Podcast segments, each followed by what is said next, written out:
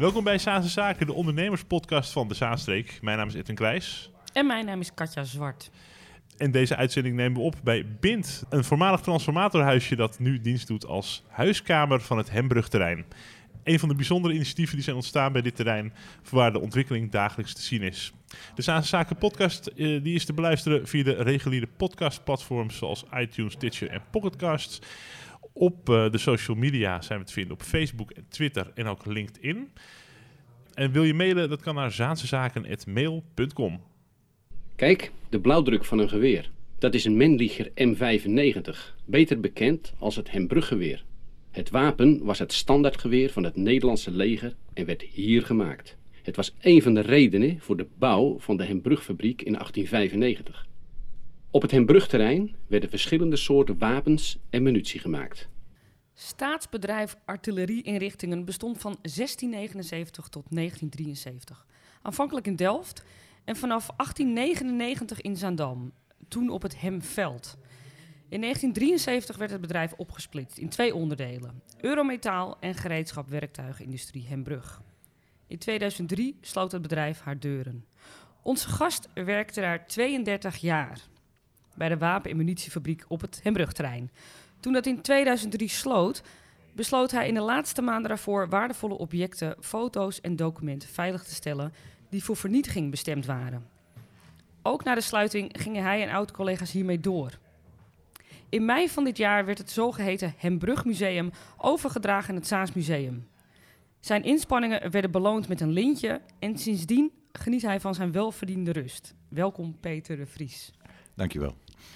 Uh, kan je wel rust nemen of zit het, uh, zit het nog te veel in je systeem, dit, dit terrein hier? Uh? Absoluut, er zit nog te veel in het systeem. Ik heb wel een, een periode rust genomen, zeg maar, van de zomer. En dat kwam eigenlijk wel goed uit met die hele warme zomer. Om dan weinig activiteiten hier te gaan verrichten. Ja. het moest ook allemaal even bezinken natuurlijk. Ja, prachtig, mooie afsluiting van 15 jaar werk, zeg maar, hier op het terrein ja, dat deed me deugd om een uh, onverwachts geridder te worden. Ja, uh, een betere bekroning kan je niet hebben natuurlijk voor je, voor je inspanningen, zeg maar. het heeft er altijd om gespannen dat het allemaal nog doorging. Maar goed, uiteindelijk is het gelukt en is het doel bereikt. En zou ik eigenlijk rust moeten nemen. Maar, maar, dat komt er niet van. Nou, ik ben te veel verbonden met dit hele gebeuren. En het baat me natuurlijk altijd zorgen hoe het stokje overgenomen wordt. Tuurlijk. Ja, want het is dat, je kind, hè? Ja, het is je kindje. En uh, als je 15 jaar geïnvesteerd hebt, wil je ook dat het op een bepaalde manier weer uitgedragen wordt. Hè?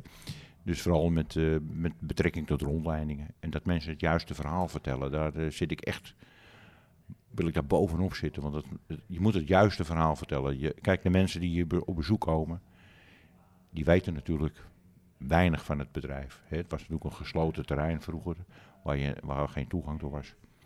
Maar dan moet je er niet van uitgaan van, uh, ja, maar zij weten het toch niet. Nee, je moet het goede verhaal vertellen. Dat verwacht je ook van de gids in het Rijksmuseum. Dat hij het goede verhaal vertelt. En dat hij niet de verkeerde tekst bij de verkeerde schilderij staat te, uit te dragen. Ja. Want uh, je was werknemer uh, van, van de fabriek. Maar een, een, een, normale werknemer van een bedrijf die uh, praat niet zo gepassioneerd over zijn werk. Wat maakt het dan dat dit meer was dan gewoon je werkgever? Ja, ik weet het niet. Ik, uh, ik kwam natuurlijk in 71 hier uh, op het terrein en ik kwam eigenlijk als in hoofdzaak voor een woning. Want ik was van Amsterdam naar Uithoorn verhuisd met mijn ouders. En ik kreeg een verkering met een Saans meisje, want wij kwamen nog wel eens hier dansen vanuit Amsterdam. Ja, dat is bekend. Ja, dat bij de Bond en, uh, en in ons huis uh, gingen we dus uh, Op de westzijde zat dat toch? Ja, de Bond, ja. ja. En dus toen heb ik een Saans meisje opgepikt. En haar vader werkte bij de artillerieinrichtingen. En we waren op zoek naar een woning, hè, zoals elk jong stel. Op zoek naar een woning is op een gegeven moment. En nou ja, dat was ook in die tijd heel erg slecht. En ook niet te betalen, zeg maar, voor ons portemonnee. En toen uh, zei mijn schoonvader, waarom kom je niet bij de artillerieinrichting werken? Want daar, heb je, daar krijg je een woning. Dan heb je kans op een woning.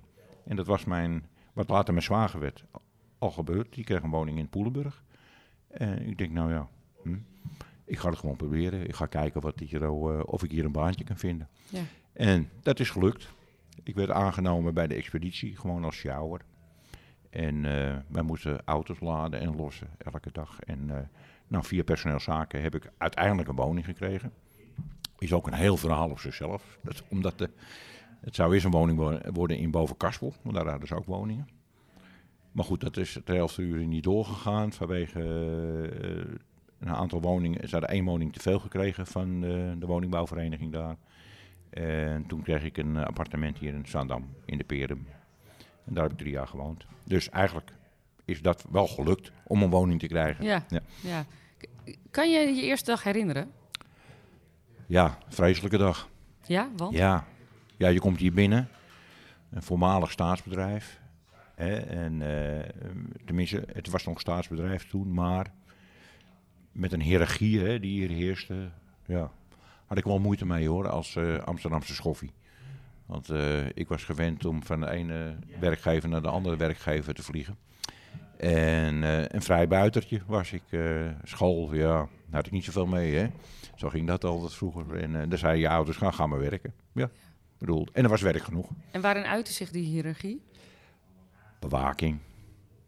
Politie, het terrein politie noemden we toen nog. Bewa bewapend, met pistolen. hekken, overal hekken. overal toezicht. Opzichters baas boven baas, hè, noemen we dat. Hè. Onderopzichter, bovenopzichter. Ik weet niet wat er allemaal liep, maar ik had iets van... En dat hek eromheen. Ik denk, oh mijn hemel. Je krijgt al benauwd? Of, uh... ik, ik ga het geen drie maanden volhouden. Ja. maar goed, je wordt op een gegeven moment opgenomen in een, in een, in een club werknemers, expeditie, leuk. Toch ook wel een beetje vrijbuiters. Want die, uh, uh, waar ik achter kwam, dus de poort bestond eigenlijk niet van de expeditie. Want je ging veel naar buiten toe. Je moest naar Forte van de Stelling van Amsterdam. Moest je uh, grondstoffen halen. Hè? Dus uh, explosieven en uh, kruid en TNT. En nou ja, dat, dat sprak me wel. Zo'n uitje naar buiten. Het was een uitje. Hè? Dan ging je lekker naar buiten. In de bus. Auto mee en vrachtwagen mee. En dan was je dan lekker een dagje weg. Kon je ook een kopje koffie drinken. Maar goed, langzamerhand ja, integreerde je eigenlijk in, in het dorp. want het was gewoon een dorp. Een dorp op zich. Het was een dorp op zich, ja. En nou, uiteindelijk uh, is het 32 jaar geworden. Ja. Over hoeveel mensen hebben het ongeveer die op het trein hier rondliepen toen? Nou, toen nog denk ik 1200 of zo. Ja. Als we over het terrein lopen in de jaren 70, dan heb je uh, hallen. Um, is er dan een grote hal waar bommen worden gemaakt en een andere hal waar geweren worden gemaakt? Of hoe moet ik dat zien? Nou, de wapenproductie, hè, dus de wapenrevisie eigenlijk. Want uh, uh, Nederland kent geen eigen wapensysteem, hebben ook geen wapens. Ooit geproduceerd voor zichzelf, hebben altijd in licentie wapens gemaakt. Hè. Dus het bedrijf maakte, kocht licenties in het buitenland en daar uh, maakten ze wapens mee. En ze reviseerden natuurlijk wapens van, van Defensie, geweren en pistolen die terugkwamen, werden gereviseerd. En dat was eigenlijk, dat was al een, een doodspoor geworden. Dus uh, waar we hier zitten, hier aan de buitenkant, naast dat, uh, waar dat nou nieuwe, het nieuwe kantoor uit 1983 staat, dat, uh, dat was de wapenfabriek. En die ging al ras ging niet sluiten, zeg maar. Dat, dat gingen ze niet meer doen. Die, er was veel te weinig aanbod van Defensie om, om dat draaiende te houden. Je had natuurlijk hier al sectoren op het terrein. En in het bossector, zeg maar, het Ravosgebied, wat wij dat noemen, daar werd dus munitie gevuld. En in de voor, het voortraject hier, dus langs het kanaal, waren de kantoren en de fabrieken voor de componenten te maken. Dus alles was daar veilig, zeg maar. Hè. Er werden geen explosieven gebruikt in het voortraject. Achter de hekken, waar nog eens een keer bewakers zaten, daar werden dus de producten gevuld. Wat houdt het precies in voor een leek? Wat... Nou, en te, je moet het zien als een uh, metalen omhulsel. Ja dat wordt gemaakt. Uh, dat is precisiewerk, dat gaat op een duizendste, nauwkeurig. En dat, uh, dat lege omhulsel, dat wordt gevuld met springstoffen. Ja? En dat gebeurt in het bos. Mm -hmm. Daar stonden persen, daar werd dus afhankelijk van wat je erin wil hebben. Uh, munitie, dus zeg maar kruid of TNT of hexal, ja. dat werd erin geperst. En dat gebeurde in het bos omdat het daar kon exploderen? Als er wat zou gebeuren, ja. dan was dat deel daarvoor ingericht, zeg maar, met ja. speciale gebouwen. Ja, mensen werkten achter betonnen muren en panzerplaten. En uh, dingen werd met camera in de gaten gehouden. eh, wat er gebeurde. En er gebeurde wel een zwart. Maar dan was er een zwak eh, kant van het gebouw.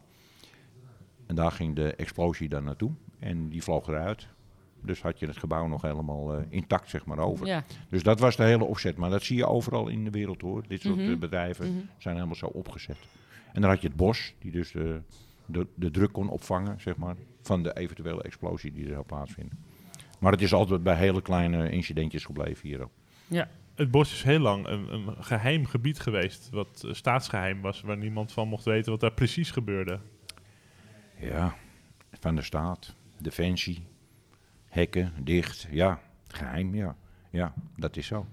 Hoeveel is er nu eh, openbaar van wat daar toen gebeurd is? Of zijn het nog Nou. steeds dingen die in archieven liggen tot over 200 jaar dat ze eindelijk naar buiten mogen? Het kan. Ik, ik, kan daar geen, ik kan daar ook de vinger niet achter krijgen, want ook ik krijg geen toegang tot die archieven. Er is Nee. natuurlijk wel. eh, je moet eh, het bos zo zien. Dus je hebt twee verschillende. Het bos is opgesplitst na de oorlog. In een gedeelte voor defensie. eh, en een gedeelte van Eurometaal of van artillerieinrichtingen. En dat gedeelte van defensie, daar, is dus eigenlijk, daar worden de testen uitgevoerd. De testen van munitie en wapens. En dat de- deed Defensie, omdat Defensie dus eh, officieren ging opleiden. eh, speciaal voor de testen van munitie. En eigenlijk heeft de artillerieinrichting dat aan hun overgedragen. Dus zij kregen een eigen ingang bij de pont. En een eigen stuk terrein waar zij die, eh, die tests deden. En wij hadden een sleutel van het hek. En konden onze spullen aanleveren. Er werd een, werd een steekproef gedaan van de producten die we gemaakt hadden. En die werden getest uiteindelijk op allerlei manieren. Hoe je dat moet vervoeren. Eh statische elektriciteit, helikopters, hè, moet je dan aan denken. Vliegtuigen waar het mee vervoerd moet worden. Met de Mm. boot, met de auto, met de trein. Het moet schokproef zijn. En eh, er mag dus niks gebeuren. Er mag nooit iemand sneuvelen aan door, een, eh, door een fout in onze productie. En dat was de, de taak van de Defensie om dat te testen. En uiteindelijk werd er dan geschoten. Dan gingen ze zo'n proje- aantal projectielen gingen ze afschieten. En dan was het klaar, als dat allemaal goed was. En dan kreeg Eurometaal of artillerie hun geld. En dan werd het weggehaald door de Defensie naar de diverse depots in Nederland. Je, je, je komt hier als straatschoffie werken, zeg je. Hm. Wanneer krijg je dan door van... God, het is toch wel een bijzonder bedrijf. Of het is wel bijzonder dat ik dit mag doen. Ja, ja, dat vond ik ook wel. Ik, eh, op een gegeven moment dan kom je, dan leer je de fabriek kennen. En dan kom je natuurlijk in de productieafdelingen. En van zo'n expeditieclub, die heb eigenlijk overal toegang voor. En dat was natuurlijk het voordeel. Ja, ik bedoel, eh, waar anderen uit de fabriek niet mochten komen, mochten wij weer wel komen. Want er moesten dingen verplaatst worden, geladen worden en je moest dingen aanleveren. Dus je kwam eigenlijk in contact met veel mensen. En eh, zeker in de, in de tijd dat ik eh, voorman ben geworden, hè, ik, eh, ik maakte ook promotie op een gegeven moment. En dan eh, moest je natuurlijk eh, bedrijfsleiders aanspreken en eh, chefs wat er gebeuren moest. Of dat je een taak had om machines weg te slepen. Ja, en zo leerde je dat bedrijf kennen. Toen denk je, nou, het is eigenlijk wel een heel bijzonder bedrijf met een, met een hoogstaande technologie. Hè, want dat is het ook. Er werden ook dingen ontwikkeld. ja. Mensen denken altijd defensie aan oorlog. Maar er werd natuurlijk ook een heleboel geld in gestopt om ontwikkelingen te doen, waar we later van geprofiteerd hebben. Hè. Dat is net als met de ruimtevaart, worden dingen ontdekt. Maar eh, in de burgermaatschappij, al zien we dat niet elke dag, gewoon profijt van maar hebben. Heb je daar voorbeelden van? Nou ja, eh, laat me zeggen, in de eh, regelmetertechniek, wij ontwikkelden zelf onze optische instrumenten. Ja, die zijn uiteindelijk allemaal ook eh, naar de burgermaatschappij gegaan. Ja. En dan heb je eh, heel eenvoudig uit die, uit die jaren de brillenmeetmachine. Ja. Ik bedoel, ik zag laatst de televisie eh, over die brillenprogramma. Ja. En daar zag ik weer zo'n brillenmeetmachine, weet je wel. Dan denk ik, ja, daar zijn wij mee begonnen toen Ja. de tijd. Ja. Dus er komt altijd ontwikkelingen naar de burger toe. Maar dat wil niet zeggen dat, eh, ja, dat zo'n munitiebedrijf natuurlijk altijd eh, van twee kanten wordt bekeken. Ja? In, tijd, eh, in tijd van spanningen zijn ze blij dat die er is. En in tijd van rust en vrede zeggen ze nou, ze kunnen wel sluiten eigenlijk. Dit is een schaalmodel van een centrale stoomaandrijving die is gemaakt door leerlingen van de bedrijfsschool. Het is aangeboden aan de directie van Eurometaal bij het 50-jarig bestaan van de bedrijfsschool. Wat was je opleiding? Ik, was, maar- ik heb eh, nou ja, de lagere school gedaan. Hè? En eh, daarna ben ik naar de ambachtschool gegaan. Eh, ik heb daar voor Timmerman eh, geleerd. Maar dat was geen succes. Maar goed, dat was vroeger thuis zo. Dan was je gewoon eh, als jongen zijnde. Ja, dan gaan we naar de ambachtschool. Hè? Dus mijn andere broers zijn ook allemaal naar de ambasschool gegaan. dus ja, je had eigenlijk niet zoveel keuze. En je, kon, en je was te jong om er zelf over na te denken. Was er nog intern nog opleiding voor de, de, vakspecialistische dingen Ja, die je daar moest leren? Absoluut. Wat, wat, voor opleidingen waren dat? Eh daar waren natuurlijk gespecialiseerd in het beroep wat je deed. Ik heb dus alles wat eh, transport eh, te maken had, heb ik geleerd. Het vervoer gevaarlijke stoffen. was een speciale over de weg, door de lucht, over het water. Daar zijn allemaal speciale regels voor. Nog steeds. Je kunt ook de bekende borden, oranje borden onderweg. Route gevaarlijke stoffen. Niet door de tunnel, hè. over de pont. Nou, dat hadden wij natuurlijk, eh, heb ik dagelijks mee te maken gehad. En na, nadat ik in Amsterdam had gewerkt en hier kwam, toen denk ik, ja, ik kon eigenlijk, eh, ik, kon, ik kon een beetje opschuiven hè, met mijn carrière. eh, door die splitsing. En ik denk, ja, ik moet wat gebeuren. Dus ik ben naar de avondschool gegaan. Dus ik heb mijn eigen de pokken gestudeerd. ik ben eerst met de MAVO begonnen en toen met de HAVO. En allemaal in de avonturen. Ik reed dus eh, naar Uithoorn toe. Ik ging onderweg eten, ging Amsterdam eh, naar school. En dan reed ik weer terug naar huis in Uithoorn. En dat was best moeilijk, want in begin, ging- in, de, in het begin ging dat allemaal met de bus en met de trein. En dan praten we uit de tijd van Maars en Kroon. Dat Maars en Kroon eh, vervoersbedrijf nog op Uithoorn reed. En als je de laatste bus miste, dan is me niet gelukkig nooit gebeurd. Maar dan kon je gewoon niet meer thuis komen. Nee, dat was klaar. ja, ja. Maar goed, eh, en daar ben ik het bedrijf ook wel dankbaar voor. Want die stimuleerde dat wel. Je krijgt ook de kans. En later ook allerlei eh, beroepsopleidingen gedaan. Ik ben eigenlijk eh, zeg maar de douaneman geworden. Ik ben een douane-expert geworden bij eh, Eurometaal. En heb ik ook weer een opleiding voor gedaan. Expeditie binnen-buitenland, douaneopleiding, eh bedkennis, accijns, zeg maar. ja, dat moest je allemaal toe-eigenen. Heel taai. Maar ja, ik was wel een praktische man. ja. Dus ik had wat minder met eh, theorie, maar het is me wel gelukt om, eh, om hier oh, zeg maar, eh, op te klimmen tot uiteindelijk logistiek manager. En het hielp waarschijnlijk dat je al aan het werk was, dus dat je het in praktijk kon brengen. Ik kon het in praktijk brengen. Ja. En ik, ik moet zeggen dat ik altijd hulp inroep van mensen die het nog beter wisten als ik. En daar schaamde ik me niet voor. Want je moet het bij de experts gaan halen. Hè? Als, je, zegt- als je twijfelt, dan bel je de douane en zeg je, nou, ik heb een probleem. Mensen die helpen je gewoon. Zo Ja. werkt het gewoon. Ja. En, eh, ja. Niet voor, niet voor schromen. Niet verschromen. Had je in die tijd ook een beroepsgeheim dat je niet alles naar buiten mocht brengen? Of, of op een verjaardag even mocht vertellen over je werk, over bepaalde dingen? Nou, dat deed je eigenlijk automatisch niet. Dat kreeg je al, eh laat maar zeggen, die cultuur bracht dit gewoon mee. en eh, dat is een leuk verhaal. Ik heb eens een interview gedaan van een hamburger in, het, eh, in een zorgcentrum in Wormerveer.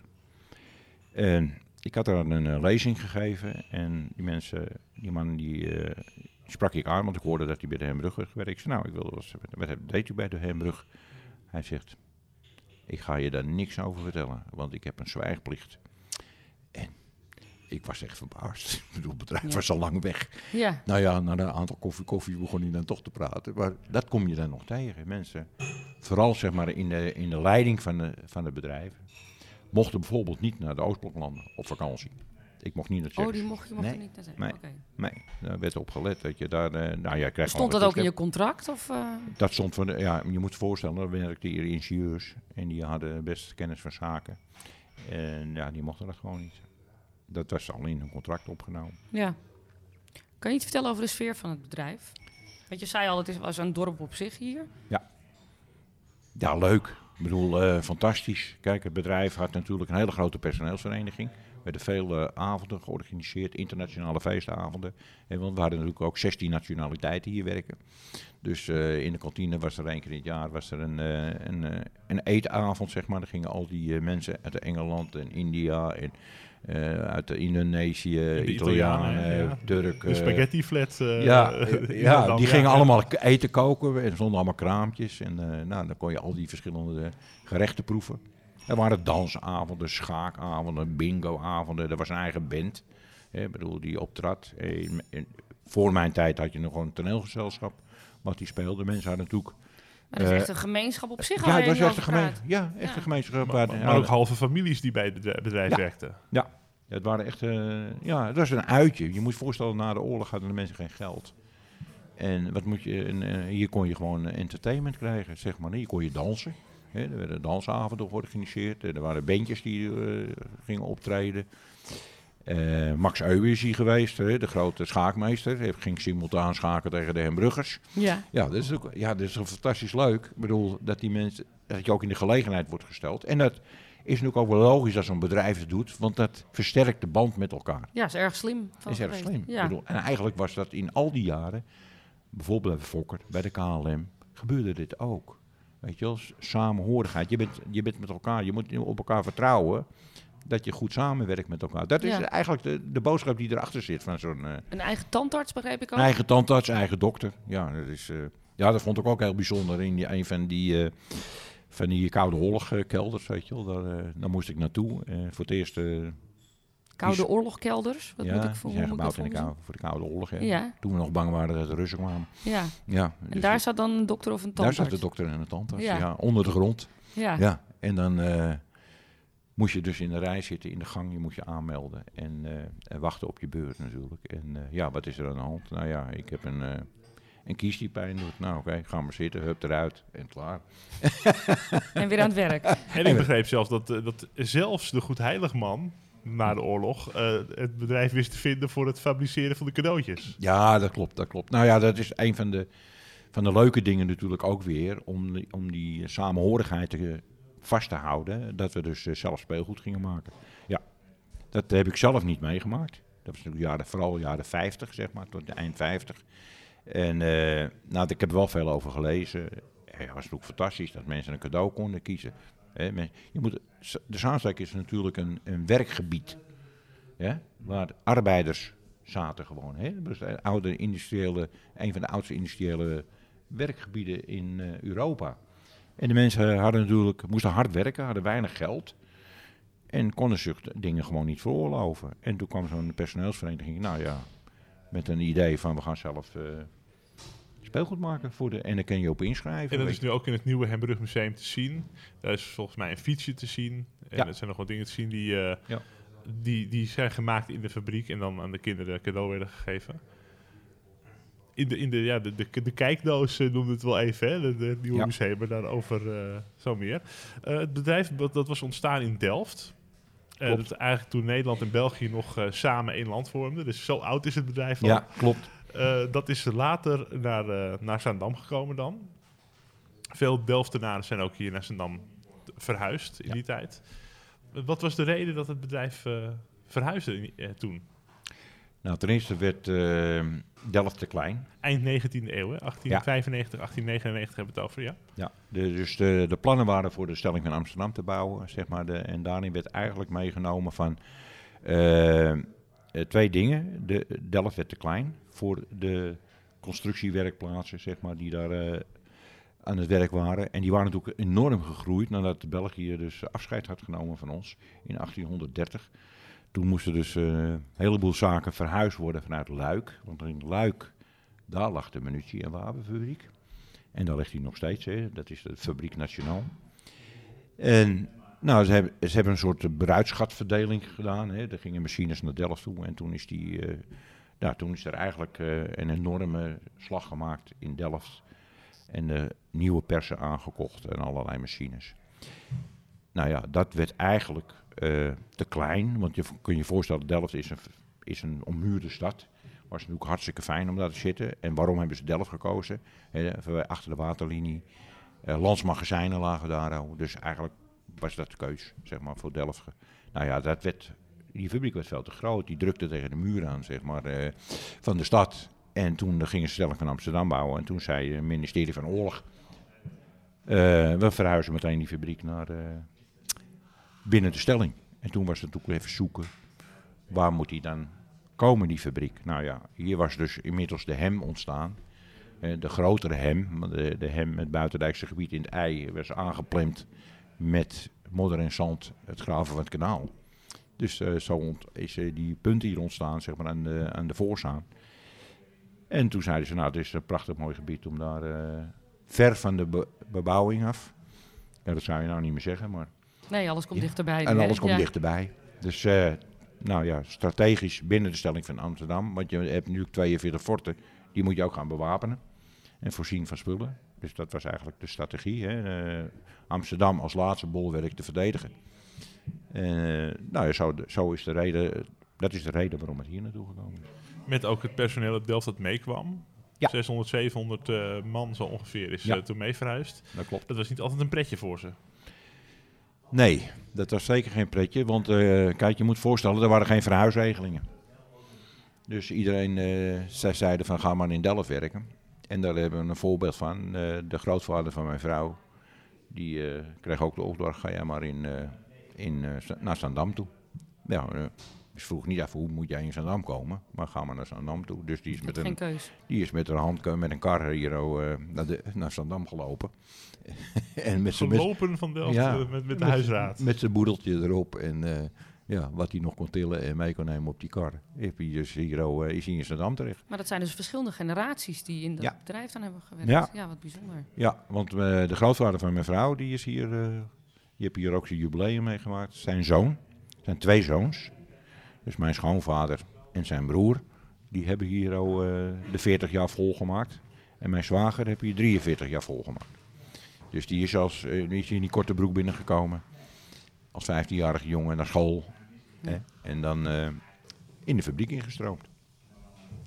Ja, dus, dus dat is eigenlijk een hele familie. Je hoeft, je hoeft op de familieverjaardag elkaar niet te vragen hoe, het- hoe, het, hoe het werk was. Dat is eh, al één Nee, ding, ja. Dat klopt. Nee, daar werd niet over, bijna niet over gesproken. Maar dat deed, me, deed je eigenlijk toch niet hè, over, over het bedrijf. Eh, dat is heel gek. Dat heb ik altijd zo ervaren. Ook met verjaardagen. Ik sprak er zelf nooit over.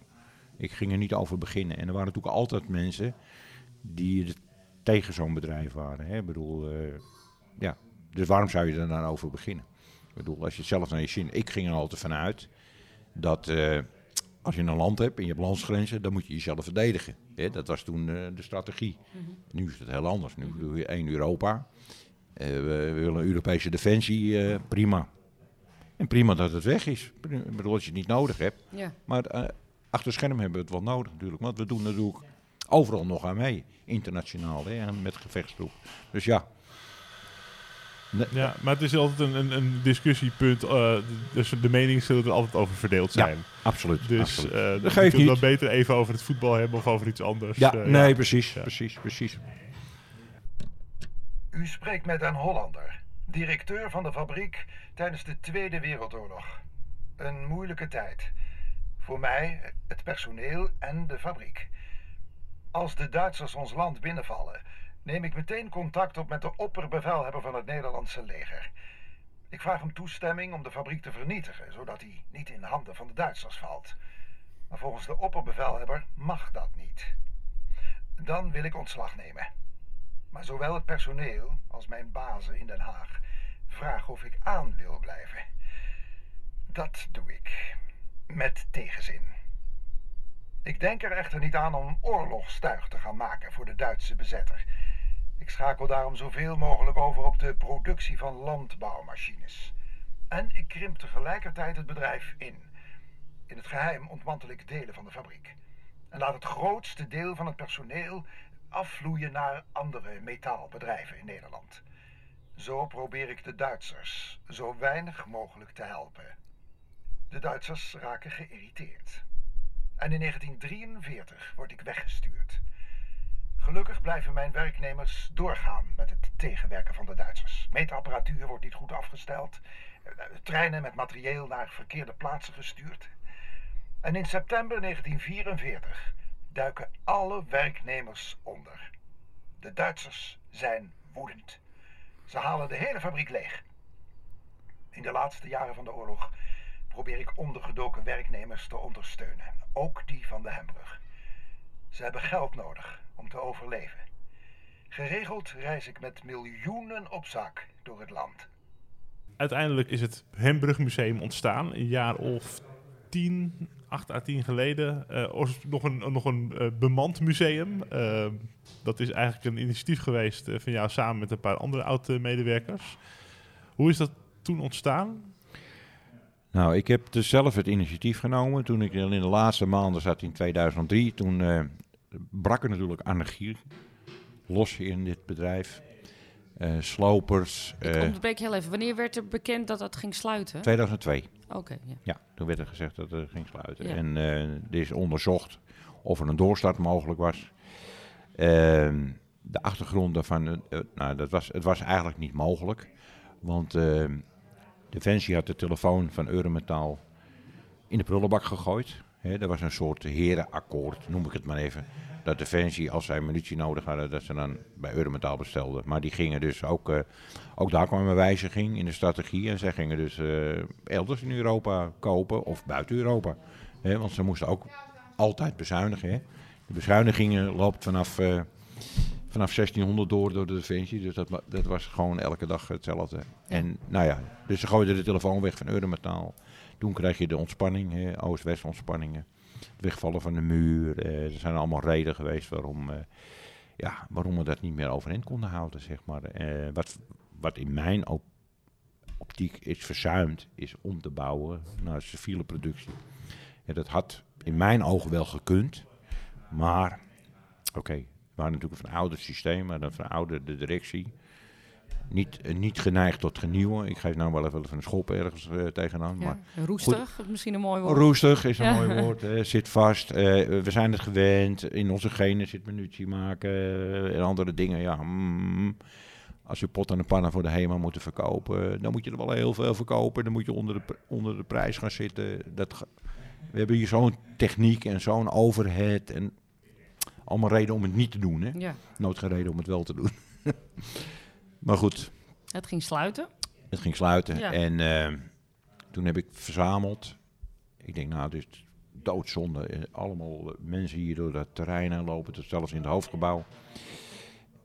Ik moet wat. En ik heb toen wel toestemming gevraagd hoor. En de directeur, ik zei, mag ik niet wat dingen verzamelen? Weet je wel, het is hartstikke zonde als dat allemaal verkocht wordt en weggaat. Dus ik ben, maar je kon je voorstellen, eh, 125 gebouwen.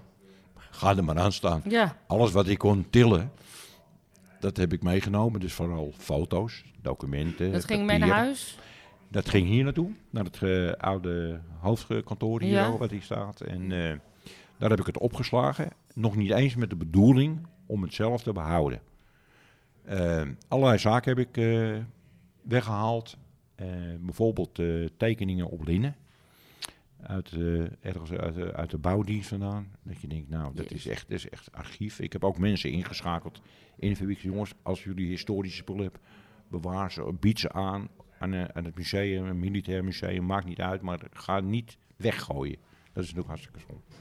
Nou, die boodschap is redelijk goed overgekomen. Ik heb hier verzameld in het gebouw, waar ik later het museum heb opgericht. En eh, toen kwam het Nationaal eh, Militair Museum, toen nog in Delft. Heb ik uitgenodigd, het Zaanmuseum heb ik uitgenodigd. Ik zei, nou, kom maar eens kijken. Van, eh, er zitten leuke spullen bij. Er stond een hele munitiecollectie hier ook, historische collectie.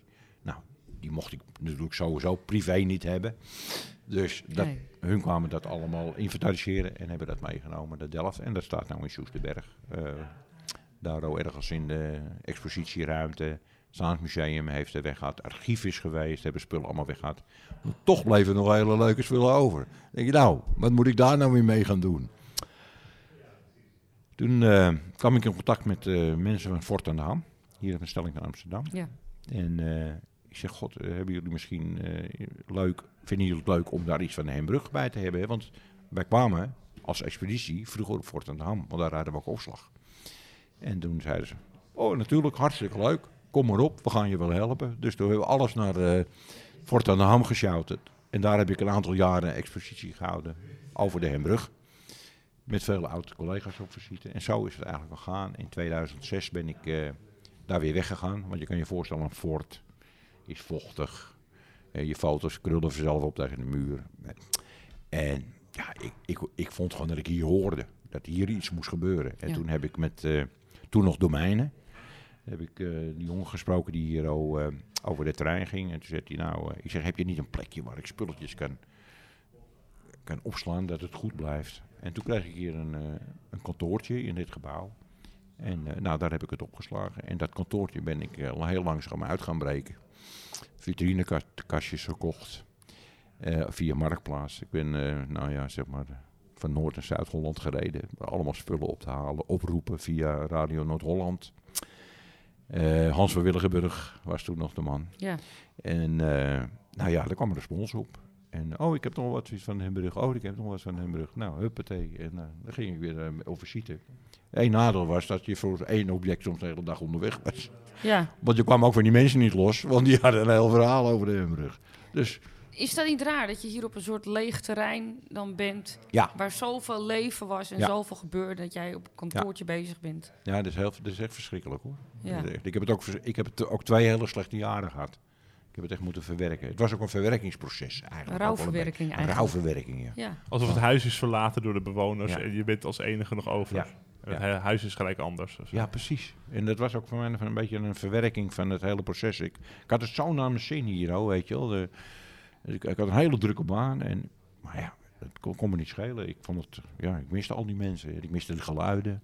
Je loopt dan door die lege hallen heen. En ja, je hoort als het ware de persen nog stampen, weet je wel. Dan denk je, en dan zie je al die, eh, die mannen hier met, met branders komen. Die maken alles kapot en eh, slepen alles weg. En dan denk je, oh mijn hemel. Dit pijn. Ja, dat doet echt pijn. Ja. Dat doet echt pijn. Ja. Vergane glorie, mijn tijd is voorbij. Mijn gloriejaren of Ja. zo. zo Ja, eh, dat is is- gevoel. Weg. En heel 324 jaar. Weg. Wordt zo in de, in de prullenbak gegooid. En dat heb ik ook, dat heb ik ook wel kwalijk genomen. Zeg. Waarom is hier geen, eh, geen archivaris gekomen vanuit het Rijk en te zeggen: Ik ga. Ho, ho, ho, wacht eens even. Ik ga alles even bekijken hier, oh, weet je wel. Eh, in 2002 had dat al gekund. Had hij al een jaar, heb je zeker een jaar de tijd gehad om dingen te inventariseren. Van dit moeten we bewaren, dat moeten we bewaren. Je ziet dat bijvoorbeeld Verkade is daar een goed voorbeeld van. Hè. De directie had daar wel feeling mee. Van alle machines di- dingen bewaard. En nou, je hebt een prachtig Verkade museum, toch? Mhm. Dus echt, eh, dat had hier ook gekund. Maar goed, het is niet gebeurd. En koester wat je hebt. Ja, en, En jij dat- hebt die taak eigenlijk een beetje zo op je Ik heb bij, ja, precies. En later zijn dus collega's aangesloten, zeg maar. Hè. Later pas. Ik heb het er bijna helemaal alleen eh, gesleept. Ik had hier de aanhangwagen gekocht van Eurometaal. Moest ik ook nog betalen. En 32 jaar heb je niet veel Ja. recht. Ja, En eh, nou, daar ben, met die aanhangwagen ben ik dus eh, al, die, al die dingen gaan op. Ik heb dingen op Marktplaats gekocht. Weet je wel, denk ik, oh geweldig, weet je wel. Ik heb dingen gekregen. En zo gaat het dan. En als je eenmaal dan een beetje dat uitgezet hebt. En dan gaat het vanzelf lopen. En dan komen er ook mensen hier, oh wat leuk, weet je wel. Ik heb ook thuis nog spullen. Hup, en die komen er dan brengen, weet je wel. Het is gewoon, en zo vul je die collectie helemaal aan. Iemand heeft nog een handgranaat thuis liggen. ja, ja, ja, ja, Ja, ja. Is er een bijzonder object waar, waar je denkt van jeetje dat ik dat gevonden heb? Of, of Nou, ik heb iets gekregen en daar was ik wel heel erg blij mee. Dat is een propeller. Maakte namelijk ook propellers hier, Mhm. eh, houten propellers. En eh, daar kwam ik in contact mee met iemand. En eh, die man die eh, is helaas nu overleden. En die zei van, eh, ik schenk dat aan het, aan het Hembrug Museum. Want daar is het gemaakt. Er zit ook een stempel in van de Hembrug. En dat vond ik wel heel bijzonder, ja. Want zo'n propeller moet je niet vergissen. Die waren heel sporadisch. Was er wel eens eentje te kopen. En dan praat je over 4.500 euro. Wat ze ervoor vragen. Dus daar was ik heel blij mee. Was even guld. Ehm, nu is het eh Hembrug Museum niet meer bemand. Er is een eh, prachtige, ja, we noemen het oneerbiedig de kijkdoos, maar er is een nieuwe Hembrug Museum bijgekomen. En in samenwerking met het Saas Museum. Wat dus eh, aanvankelijk niet was gebeurd. Hoe is die samenwerking verlopen? Ja, vallen en opstaan eigenlijk. Hè. Het zijn natuurlijk twee verschillende culturen. Een museumcultuur is heel anders als Hembrugmannen die eh, gewerkt zijn om eh, met staal te werken. Ja, ja, ja. ja. Dus dat is eh, en, en snelle oplossingen te zoeken. Eh, en dat is in zo'n eh, ja, hiërarchie die daar weer heerst, zeg maar, een beetje ambtelijke eh, systemen. Eh, en dat zal denk ik bij elk museum zijn. Ik ken, ik ken dat ook verder niet. Ja, gaat dat niet makkelijk. Maar goed, eh, daarom eh, zijn we zijn er wel uitgekomen. Hè? En dat is natuurlijk het belangrijkste, dat het doel bereikt is. Hè? Eerdere pogingen waren al mislukt met het Saans Museum. Wat was, het belangrijkste, wat was de belangrijkste voorwaarde om het te doen? dat het, eh, dat het verhaal blijft. En dat de, de, het verhaal moet versterkt worden door de objecten. Eh, dat het verhaal moet blijven. Hè. Wij als oud-werknemers die hier nog zijn, we zijn er nog. Nou, de, wij hebben daar een groot deel voor onszelf al voor gezorgd. We hebben heel veel, we hebben meer dan 40 interviews gedaan. Met mensen die nu al niet meer hier zijn, onder ons zijn. En dat vastgelegd, zeg maar, op geluid en op beeld. En ja, bewaar het, weet je wel. Later, later heb je spijt dat je het niet gedaan hebt. Dus Mhm. dat, wij waren al zelf heel goed bezig. En, eh, nou ja, en Jan Hovers kwam bij het Staatsmuseum eigenlijk. En in de eerste maanden dat hij eh, daar werkte, toen hadden we hem uitgenodigd al. En hij, hij kwam. Hij kwam. En dat was eigenlijk wel wel verrassend. En eh, hij kwam zelf bij de Airborne vandaan, Airborne Museum. Dus hij had dus wel iets eh, militaristisch, eh, zeg maar. Dat was een voordeel. Dat was een vo- Ja. denk ik een Is het voordeel. Airborne Museum, is dat bij Arnhem toevallig in de buurt? Ja. Of, ja, dat, dat Ja. had ik gelijk de associatie mee. Ja. Ja. Ja, dus eh, nou ja, toen eh, kwam hij hier en zijn we in gesprek geraakt. En hij heeft rondgekeken en hij heeft eigenlijk gezegd, dat we gaan het doen. Eh, ja, we gaan het doen. Dus we kijken allemaal een beetje verbaasd eh, als stichting. Ja, en hoe gaan we dat doen? Nou ja, zei, we gaan het doen. Dat komt allemaal. eh, dus, maar hij is gaan lobbyen bij de gemeente, overal. Er moest natuurlijk geld komen. Maar er waren twee partijen. Ook het Rijksvastgoedbedrijf was hier ook. En die partij heeft natuurlijk ook een behoorlijke bijdrage gedaan. eh, want ik zat hier natuurlijk, zeg maar, als anti-kraker. Daar had ik gegeven moment toestemming. En het Rijksvastgoedbedrijf. Ja, we waren goede buren van elkaar. Zij zat ervoor in het gebouw en ik zat daar achter in het gebouw. En ik ging ook dingen voor hen doen. Zij kwamen met eh, potentiële klanten voor de gebouwen te huren. En eh daar deed ik rondleidingen voor. En de Universiteit van Amsterdam, die kwam hier met studenten. Eerstejaars, tweedejaars, architectopleiding. Die gingen hier plannen maken. Die heb ik allemaal rondgeleid hier over het terrein. Hele grote groepen. Ja, dus eigenlijk zo ging dat langzamerhand. En ik ging steeds uitbreiden. En Weer een vitrinekastje, weer een dingetje. En toen was de vraag, mag ik een keer open zijn voor publiek? Nou ja, dat was nog wel even een dingetje. Want dan moest de bewaking komen. Hè, want toen was er nog bewaking. Nou, dus zij, zij hadden bewaking ingehuurd. Dus die moest dan eh, geposteerd worden bij de portier. En eh, nou ja, uiteindelijk allemaal gelukt. En, en dan kwamen de eerste mensen kwamen binnen. Nou, dat, is toch, dat was al een overwinning. Ja, ja. Altijd, altijd werk. eh, Ja, ja. ja. dat is gewoon leuk. En dan, en dan je verhaal vertellen, weet je wel. En, eh, en er waren natuurlijk ook oud-werknemers. Ik had een stamtafel staan en dan gingen we zitten. Nou ja, er had eigenlijk een microfoon moeten staan, want dat is... Dan kwamen de verhalen weer dan los. kom- dan komen ook weer verhalen allemaal los. Ja, ja. ja. Dus dat, dat is, eh, ja. Daar hebben we de microfoon ook moeten neerzetten. Ja. Toen de opening was in mei van het nieuwe Hembrug Museum, toen spraken we ook even met Jan Hovers. En we vroegen hem ook naar de samenwerking. Nou, dit was op de eerste plaats een hele bevlogen samenwerking, omdat Peter een hele bevlogen man is. Peter doet dingen vanuit zijn hart en, en, en- en, met een enorme wilskracht. Eh, en, en hij is zo gepassioneerd met die historie bezig dat eh, nou, wij enorm trots erop zijn dat hij ons het vertrouwen heeft gegeven om zijn kindjes eigenlijk over te dragen. Wat is jullie input geweest als Staatsmuseum om eh, ja, eh, tot deze vernieuwing te komen? Nou, kijk, het grote verschil met, met de ontzettende eh, mooie opstelling die zij al hadden gemaakt. Toen was het de verzameling van Peter de Vries. Het had nog geen museale status. Het Staatsmuseum is een officieel geregistreerd museum. Dus wij hebben ook internationaal te maken met de normen voor, voor het eh, beheer en behoud van collecties. Dus op het moment dat het formeel is overgedragen aan het Staatsmuseum, heb je opeens te maken met, met eh, klimaatbeheersing en met allerlei situaties dat wij ervoor moeten zorgen dat het er over 200 jaar nog net zo mooi bij staat als nu. Dus eh, het verschil is dat, eh, ja, dat het nu die formele status heeft en daarmee ook deel uitmaakt van de collectie Nederland. Dus net zo belangrijk is als een onderdeel van wat Peter hier naar binnen heeft gebracht, net zo belangrijk als de nachtwacht. We maken geen onderscheid eigenlijk in het belang van alle onderdelen die samen ons nationaal erfgoed vormen. En daar is nu die Hembrug-collectie van Peter aan toegevoegd. Wat zou je tegen Peter willen zeggen? Nou, wat ik tegen Peter zou willen zeggen is dat hij eh, eh, nu vooral ook lief voor zichzelf is en niet alleen voor zijn collectie. En dat hij lekker achterover gaat leunen en, en, en dat hij zich eh, beseft wat fantastisch werk dat hij heeft gedaan. Maar eh, met achteroverleunen bedoel ik met name dat er een last, hoop ik ook, die verantwoordelijkheid van zijn schouders mag vallen. En dat hij vooral mag genieten en dat hij, we zullen toch nog heel veel beroep op zijn kennis doen. Maar eh, ik hoop dat we die verantwoordelijkheid van hem hebben eh, overgenomen en dat hij lekker tot rust gaat komen. Dat was eh, Jan Hovers dus van het Staatsmuseum, die eh, ook heel blij met je is, eh, Peter. Oké, ja, dat we zijn blij met elkaar dat we elkaar gevonden hebben op goede manier. Hè? Ik bedoel, eh, net wat ik zeg, het was natuurlijk wel eens eh, stroperig. En eh, alles gaat natuurlijk niet naar zijn wens of naar mijn wens.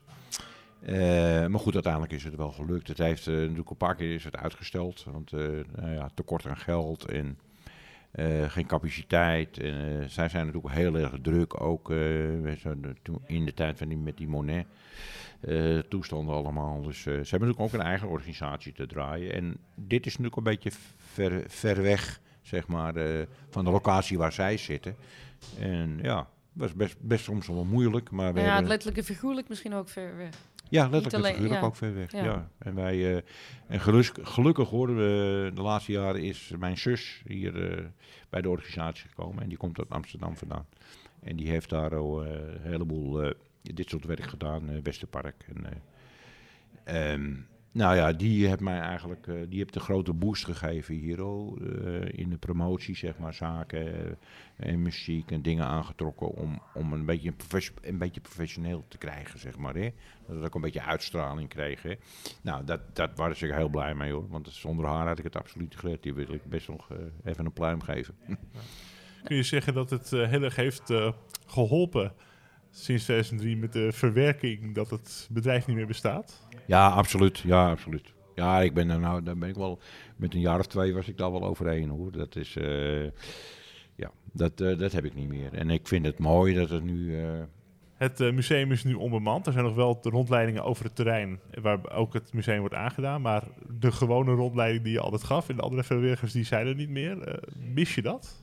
nou, eh, de vrijwilligers van onze club, die zijn er nog wel. Er zijn dus een aantal die zijn meegegaan en die hebben een convenant gesloten met het Zaans Museum eh, als vrijwilliger, zeg maar. Ehm, het, pro- het probleem was een beetje de locatie natuurlijk. Eh, de, de travelruimte waar dus wij, waar een vrijwilligersruimte in gemaakt is. Dat was een beetje een probleem. Daar konden we er eerst niet in. En nou, bla bla bla, er moest een vergunning komen. En ik weet niet, wat, het moet allemaal opgeknapt worden. Hè, er stond inmiddels een keuken en een toilet. Maar we hadden nog geen toe- toegang eh, van het samen. Want het is niet meer van ons, weet je wel. We hebben nog echt het gevoel, dit is ons terrein. Dat, heb- dat hebben we gewoon. Dit is, dit is ons, dit is Ja. ons, dit is Ja, van Wat ons. er op papier staat maakt niet uit, maar Maar het is van ons. Ja. Het gevoel is er gewoon van. En als je dan geen plek meer hebt, want dan moest er weg uit dat gebouw, hè, waar eerst het museum was. En dan, waar moet je plassen en poepen? En, eh, Ja, waar waar kun je nou je ding ja. doen? Ja. Hoe kun je nou bij elkaar komen? Ja. Dus daar heb een hele lange periode tussen gezeten, waarin we dus geen plek hadden. En eh, toen heb ik een keer een eh, bijeenkomst georganiseerd van alle oud-werknemers, hè, die bij mij allemaal zaten, de club. Lab 44 hebben we gezeten, om, om gewoon even die... Je moet die binding houden en dat is belangrijk. En dat vergeten ze nog wel eens. Het is eigenlijk ook een erfstuk van het bedrijf. Is nog, ook een dat je die- erfstuk van het je- dat je bedrijf. Die binding. eh, Precies. Ja. En ik heb gesprekken met, met de nieuwe terreineigenaar gedaan. Die, die zegt, hè, het is toch hartstikke leuk als hier oud-werknemers zijn. Weet je wel, die je kan aanspreken of die, die hier bij elkaar komen. Dat is toch hartstikke leuk. een belevenis. Het is een belevenis, ja.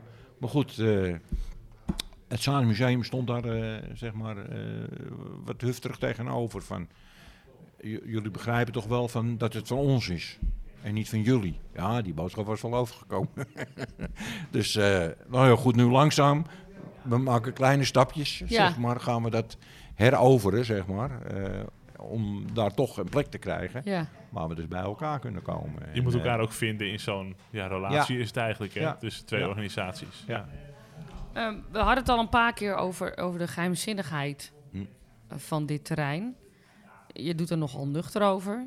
Je, je, want sommige mensen die zeggen, ik zeg niks. Of, eh, Ja, ik, Maar- ik, ik vond het nooit geen issue hoor, eerlijk gezegd. Nee. En, eh, het is meer voor de buitenstaander, hè. Kijk, wij, eh, wij, wij, wij zaten binnen en een hully waren buiten. En hully kijken van buiten naar binnen en denken, al die mannen die daar zitten. En dat is allemaal geheim. En, nou, ik weet niet, als je hele oude dagbladen, zoals de Prins of weekbladen openslaat, dan zie je toch nog wel heel wat verhalen van de artillerierichting in. Dus mhm. zo geheim vond ik dat allemaal. Kijk, je kan niet in het proces kijken, hè. Nee, ja. je, je, je ziet een geweer, je ziet een pistool, je ziet munitie. Maar dat is het dan, hè? Hoe je het moet maken, dat Ja. is een andere zaak. Maar werd die geheim, dat, dat geheimzinnige, werd het misschien ook een beetje in stand gehouden door de hekken eromheen en de bewaking? Precies, precies, dat is Ja. ook zo. Maar goed, dat heel langzaam verdwijnt, dat, verdwijnt zoiets. Hè? Waar, ik kan je een voorbeeld geven. Waar hier eh, machines uit Oost-Duitsland vandaan. Nou, als er een probleem is, kwam er niemand uit Oost-Duitsland. hè. Toen hadden we nog een, eh, een, hadden we nog een Ja. muur. Ja. Nou, die werd natuurlijk bij de poort opgevangen. Daar stond de hele dag stond daar eh, iemand van de bedrijfsbewaking bij. Dat hij maar niet ergens anders in die fabriek ging kijken. Dus dat was er toen nog wel hoor. Ik bedoel, dat, eh, dat, zo ging dat. Ja. En je had, als je geen boodschap hier had, kwam je hier niet binnen. Ik bedoel, zo was het gewoon. Hè, als je leverancier was, dan mocht je naar dit magazijn rijden en dan was het ook eh, klaar. zeg maar. ja, ook na de sluiting, dat weet ik ook nog wel. Dan moest ik ook niet proberen de trein op te komen. Nee, dat is heel lang geweest zo toen. eh, maar het meer, meer denk ik uit voorzorg. Eh, de gebouwen waren in slechte toestand. Hè. Je moet je voorstellen toen in 83 de gereedschapwerktuigenindustrie Hembrug naar Haarlem verhuisde. Nou, vanaf die tijd stond al 20 jaar stil. eh maar er bouwvallen geworden. Ja, en en daar, daarvoor die tijd stonden ook al die gebouwen leeg. Dus je had instortingsgevaar en dat soort dingen. Dus ja, maar je hebt, je hebt ook andere terreinen waar instortingsgevaar hebt. Maar er staat niet een mannetje bij, eh, want die heeft hier wel heel lang gezeten ja, bij de dat klopt. poort. Dat klopt. Ja. Ja. Ja, dat is toch een beetje overheid die dat in stand heeft gehouden. En eh, je hebt ook later gezien toen het RVB hier kwam en in, in principe eerst de bewaking nog instelde. Die over de treinen gingen met honden en weet ik wel.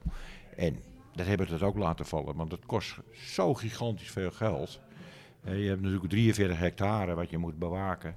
Dat is bijna een onmogelijke opgave. Wij hadden een heel korps ervoor om dat te doen. En hun eh, hadden een paar man die hier al met een autootje rondrijden over het terrein. Nou, wat, het, wat de consequentie is geweest, is dat er natuurlijk eh, ongelooflijk veel gestolen is op het terrein. Vooral het koperwerk natuurlijk. Mhm. Ja, dat is natuurlijk eh, dat is gebeurd. Maar ja, moet je daarvoor eh 8, 9 ton uitgeven om dat, eh, om dat te bewaken, zeg maar. Ja, Dus er is een keuze gemaakt hè, Ja. op een gegeven moment. Ja. Ja. Had je nooit last van je geweten? Ik? Nee hoor, nee hoor. Nee? Absoluut. Nee, nooit, nooit geen last mee gehad. En collega's die dat misschien wel hadden? Nou, het was natuurlijk wel zo, als je hier binnenkwam, hè, vooral in de tijd van Eurometaal, dan denk je, nou, ik kom bij een metaalbedrijf ja, en je gaat die solliciteren.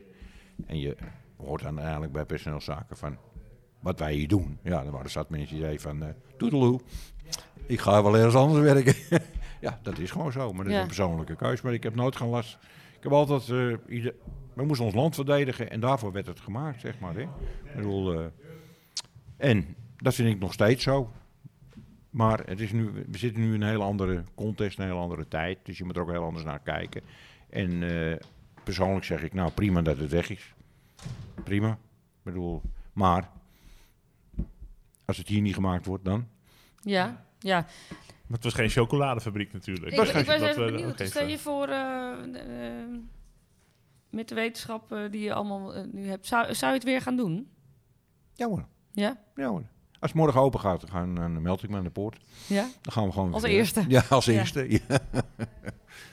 Eh, maar hij gaat echter niet, eh, niet open morgen. Het terrein is compleet aan het veranderen. En ik denk dat het over tien jaar weer compleet anders uitziet met, met woningen. En nu natuurlijk al de creatieve bedrijven die hier bezig zijn. Eh, de, de foodmarket, een restaurant, eh, expositiehallen. eh, de, de, de, de hallen en de kantoren hebben hele andere functies gekregen.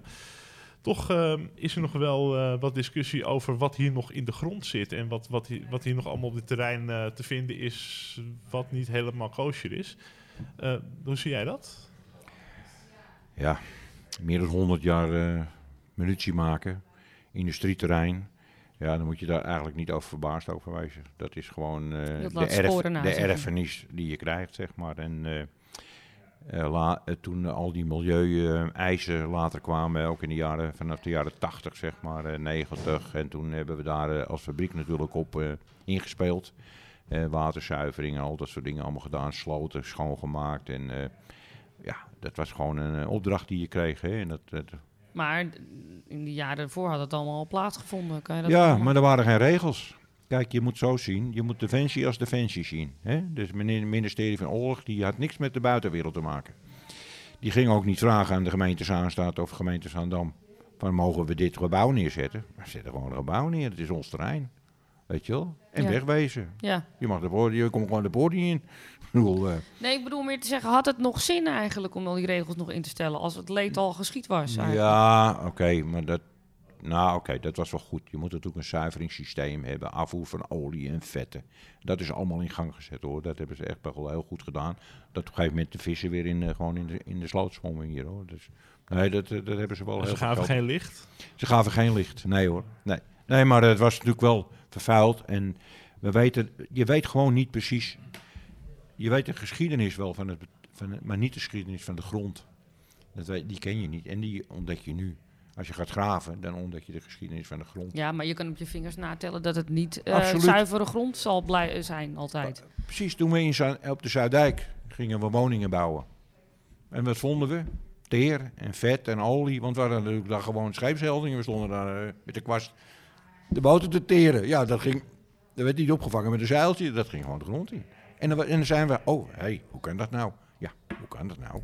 Dit heb je, is de erfenis van het verleden die je krijgt. Die krijg je gewoon mee. Ja, En eh, kijk, eh, de Rijksvastgoedbedrijven hebben enorme inzet gedaan om eh, in ieder geval alle locaties in beeld te krijgen waar dus vervuiling was. En opgeruimd. Ja, want er wordt nu wel gedaan van nou, het wordt een heel hip terrein en creatieve industrie en dit en dat. Maar ik denk, is er wel voldoende gedaan om dat allemaal veilig te maken? Want volgens mij ik kan, kan het best zijn dat we over twintig jaar opeens verhalen horen van dat het helemaal niet zo veilig is. En misschien hier in het beginstukje dat het wel meevalt, maar verder op het terrein waar ook allerlei ontwikkelingen eh, zijn en komen, eh, is het wel verantwoord om dat allemaal te doen. Ja, ik denk het wel. Ik denk Ja? het wel. Ja, ik denk het wel. Ze, ze hebben nu, zijn nu heel druk bezig bij de schietbanen, hè, waar dus eh, proeven werden gedaan. En ze zijn ze echt allemaal aan het afgraven, aan het filteren. Ze zijn de grond aan het filteren, wordt schoongemaakt, alles wordt eruit gehaald.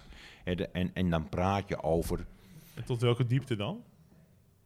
De eerste paar meters? Of? Nou, ik denk een meter, anderhalf, geen idee. Maar kijk, dat is aan hun. Hun eh, nemen proeven. Er is zoveel bedrijven hier in, eh, op het terrein geweest om bodemmonsters te nemen. Nou, dat is ongelooflijk.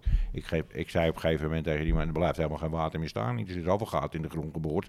Het gaat vanzelf wel naar beneden. Maar ja, je zit met een erfenis van vroeger. Dus hebben die schietbanen, hebben ze allerlei dingen, componenten gevonden. Maar niet gevaarlijk. Ja, eh, brokken van handgranaten, van hulzen, van patronen. Van ja, het zijn allemaal maar componenten. Zijn, Ja, ik heb, hier, ik heb zes jaar geleden vrij, eh, gevrijwilligd een keer bij een festival hier op het terrein. En toen kreeg ik als instructie mee, ik, we hebben liever niet dat mensen een hond meenemen, trein op. dat klopt. Dat klopt, dat is jaren geleden. En liever ook niet waarom, maar gewoon doe maar Nee. niet. Klopt. Dus Nee, dan klopt. denk je ook van, wat is hier aan de hand? Hadden een militair weekend en bij de schietbaan, vroeger de schietbanen waren, stonden daar de, de gele rui- ruiders. Die stonden daar met, en hun paarden stonden van het gras te eten. Toen heb ik ook gezegd, dat kan je beter maar niet doen. En nu als er een festival is, dan zie ik hier eh, kinderen over het gras rollen en honden die komen terrein op. En dan denk ik, oeh, is dat wel allemaal eh, zo verstandig? Ja, ik, ik, eh, wat mij betreft is het geen probleem. Ze hebben de, alle gebieden in kaart gebracht. En als dat werkelijk gevaar hebt, dan kan je als overheid ook niet veroorloven. Om het zo achter te laten. Dat is het punt. Da- Nou, toch was er een uitzending van Reporter Radio, Hm. waarin toch eh, wat verder werd ingezoomd op de, op de bodem van het, eh, van het terrein. Was toch zo dat de overheid niet complete nazorg heeft genomen voor het terrein. Dat ze toch eigenlijk hebben gezegd van dat is ons probleem niet meer. Ik weet niet hoe het zit, hoe het is gegaan hier ook. Ik ben daar ook niet bij betrokken geweest. Hè. Ik heb hier wel allemaal mannetjes zien lopen Ja. met een witte overal. Ja, je weet ook Ja. eh, niet, eh, als je inderdaad eh, één, één mannetje bent binnen de organisatie, eh, dan ga je ook helemaal niet verantwoordelijkheid Nee, houden voor nee, alle nee, dingen. nee. Maar Dus ik weet het even gewoon kijken, niet. We hebben het gewoon even over het, over het terrein. Ja. Eh, vooral de geschiedenis van het terrein en de artillerieinrichting. En natuurlijk ook eh, de, de huidige tijd. Wat, eh, wat vind je ervan als je hier rondloopt en je kijkt om je heen? Ja, ik vind het prima. Ik vind het hartstikke goed dat hier... eh, We zitten nu bijvoorbeeld in een voormalig transformatorhuis. ja, precies. Ja. Nou, dat is toch hartstikke mooi. Dat eh, vooral jonge ondernemers zeg, hier de kans krijgen en kunstenaars. En eh, wonen en werken plaats gaan vinden. Er zijn natuurlijk altijd wel wat gevaren. En dat heb ik ook tegen ABC gezegd, de nieuwe, nieuwe eigenaar van het terrein. Ja. Dat ja, je moet er eigenlijk heel goed eh, oppassen wat je gaat doen met de nieuwbouw. Zeg maar, hè, dat het wel moet passen in je omgeving. Want mensen zijn hier naartoe gekomen vanwege het terrein. Veel groen, ja. En een, een prachtig mooi terrein met, een- eh, met, met eh, 50 monumenten. Een hè. mooie ligging ook. Mooie ligging. Ja. Maar eh, je moet je voorstellen als je een- nou een eh, appartement gaat bouwen tegenover een werkplaats. Ja. Jij, gaat een appartement huren of kopen voor veel geld. Je zit zo, in het weekend zit je lekker op je balkonnetje met een hele week gewerkt. Je voorstellen. En de buurman in de werkplaats die denkt nou, zaterdag ik ga nog eventjes eh, een klus afmaken. En eh, de, alle deuren staan open. En je de hele dag het zagen. Ding, ding, en jij zit op je balkonnetje. Dan denk je, nou, dat vind ik eigenlijk niet zo prettig. en we, leven in een ik-maatschappij. En dat heb ik ook tegen gezegd. Let erop dat je daar problemen mee krijgt. Hoor. Daar krijg je absoluut Maar die mensen die hier komen wonen, die, die kijken naar de, over, naar de overkant te kijken. En die zien een rijtje industrie waar je niet goed van wordt. Ik bedoel, Nee, maar dat, dus daar eh, komt ook een hoop lawaai vandaan. daar komen ze niet te wonen. Voorlopig. Er komen geen je mensen ruikt en je hoort het wel. Ja, je, ja nee, dat is ook de, de waarschuwing die ik altijd gegeven heb. Want ik heb ook in, in, eh, groepen gezeten die met de gemeente praten. Er zat een mevrouw, die, er zat een mevrouw naast me en zegt, nou, ik, zou, ik ga hier meteen wonen. Ze is fantastisch. Zegt ze, eh, ik zeg, ik niet hoor, ik ga hier niet wonen. Ik zeg, ik heb hier drie vlaggen op het, eh, op het gebouw staan. Nou, die zijn binnen drie maanden, kun je die weggooien. Want die zijn helemaal zwart. Die zijn echt helemaal zwart. Dus nu, en de industrie heeft al gereageerd hierop, hè, via de media. Mhm. Van jongens, wij zitten hier ook. Ga nou niet zeggen straks, eh, er wordt hier gewoond en wij moeten weg. Weet je wel? Ja. Zo- Dat zo- is ook zo, want je weet, je weet waar je gaat zitten. Je weet waar je gaat zitten. Dus je krijgt een, eh, de, ze noemen dat eh, de Hamburg-methode. Eh, dus tekenen dat je nood geen klachten mag. eh. Mhm. ja. En dat gaat waarschijnlijk gebeuren, maar dat weet ik ook Mm, Maar niet. je zegt eigenlijk, maak hier iets, eh, eh, hou er rekening mee dat het passend is met de omgeving. Ja, dus de bouw, de stijl. Bedoel, Dat je eh, niet klakkeloos een, een, een, een, Precies, een doosje neerzet. En daar heb ik wel vertrouwen in. Ik heb de jonge architecten gesproken die zijn ingehuurd hebben. En eh, nou, ik denk dat die daar oog voor hebben. Want dat is toch een nieuwtje. Ik heb eh, de rest van de collectie, wat niet is opgenomen door het Zaans Museum. En dat is best nog heel veel. En die, die gaan we toch bewaren. Hebben we afgesproken met ABC. Want die gaan we dus eh, herplaatsen op het terrein. En eh, hoe? Ja, dat weet ik niet. Je, je kunt je voorstellen, je, hebt, je maakt een appartement. Beneden in de hal zet je een hele mooie oude machine neer. Die die relatie geeft met de fabriek.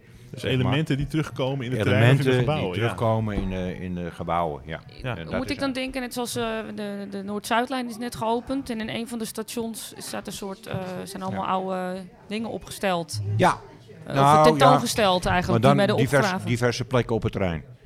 Dat is, eh, je, moet, je moet zo denken, er zijn eh, oude gereedschappen. En die, eh, nou, die kan je bijvoorbeeld in de muren inmetselen. Ja?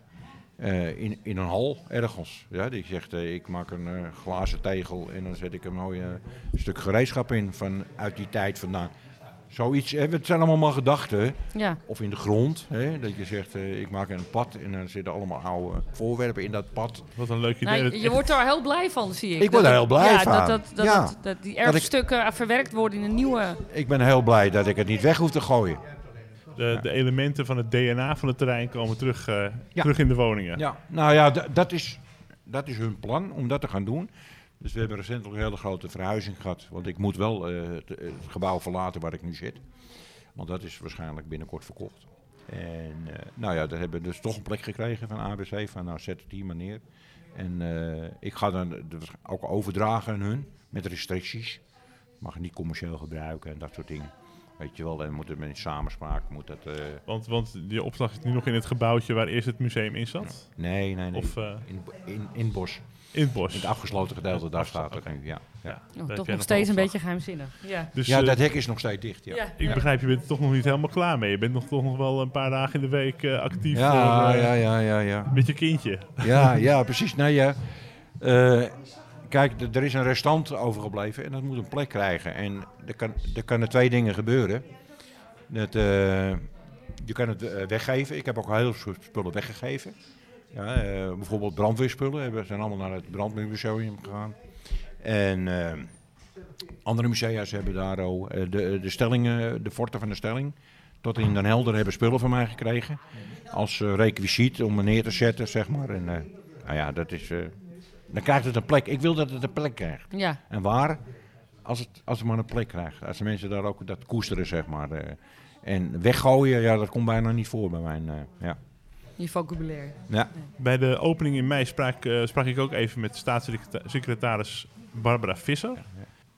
Barbara Visser, staatssecretaris van Defensie. Hoe belangrijk is het eh, om de geschiedenis van het Hembrugterrein te bewaren voor de volgende generatie? Nou, heel erg belangrijk, want eh, als je hier komt, word je gewoon verliefd weer op dit terrein. En eh, het is heel mooi om te zien van wat hier eigenlijk vroeger allemaal is gebeurd. En ik vind het heel erg mooi dat iemand zelf het initiatief heeft genomen om te zeggen van ik ga dat doen.